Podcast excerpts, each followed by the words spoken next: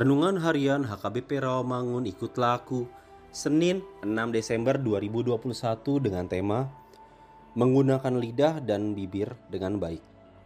Bacaan kita pagi ini tertulis dalam Yesaya 4 ayat 1 sampai 6 dan bacaan kita malam ini tertulis dalam Roma 8 ayat 22 sampai 25 dan ayat yang menjadi renungan kita hari ini tertulis dalam Hagai 2 ayat 7 yang berbunyi Sebab beginilah firman Tuhan semesta alam Sedikit waktu lagi maka aku akan menggoncangkan langit dan bumi, laut dan darat.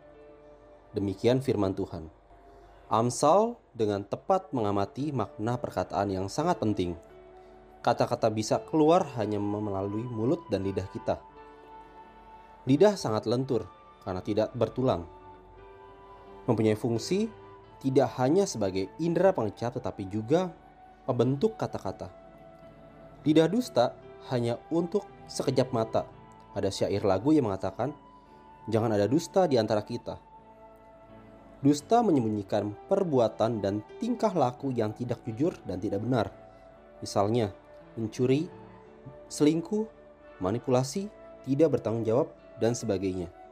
Itulah yang dijelaskan oleh Amsal bahwa kita diminta untuk tidak sembarang mengeluarkan kata-kata dari mulut kita. Orang yang menggunakan lidah dan bibir dengan baik, yaitu mengeluarkan kata-kata yang mengandung kebenaran akan tetap untuk selama-lamanya. Artinya, perkataan orang itu akan dipegang orang lain menjadi suatu kepercayaan. Perkataan itu mempunyai otoritas atau kuasa untuk dituruti orang lain. Tidak seorang pun meragukan kata-kata yang mengandung kebenaran. Orang yang bibirnya mengatakan kebenaran pasti akan dibuktikan dalam kenyataan yang benar pula. Perkataan dan realitas mengandung kebenaran, artinya memang benar dan apa adanya.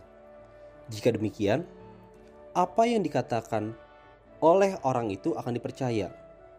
Marilah kita berdoa. Ya Allah, ajarlah kami untuk memakai bibir dan lidah kami untuk mengatakan kebenaran sesuai dengan yang Engkau kehendaki. Amin.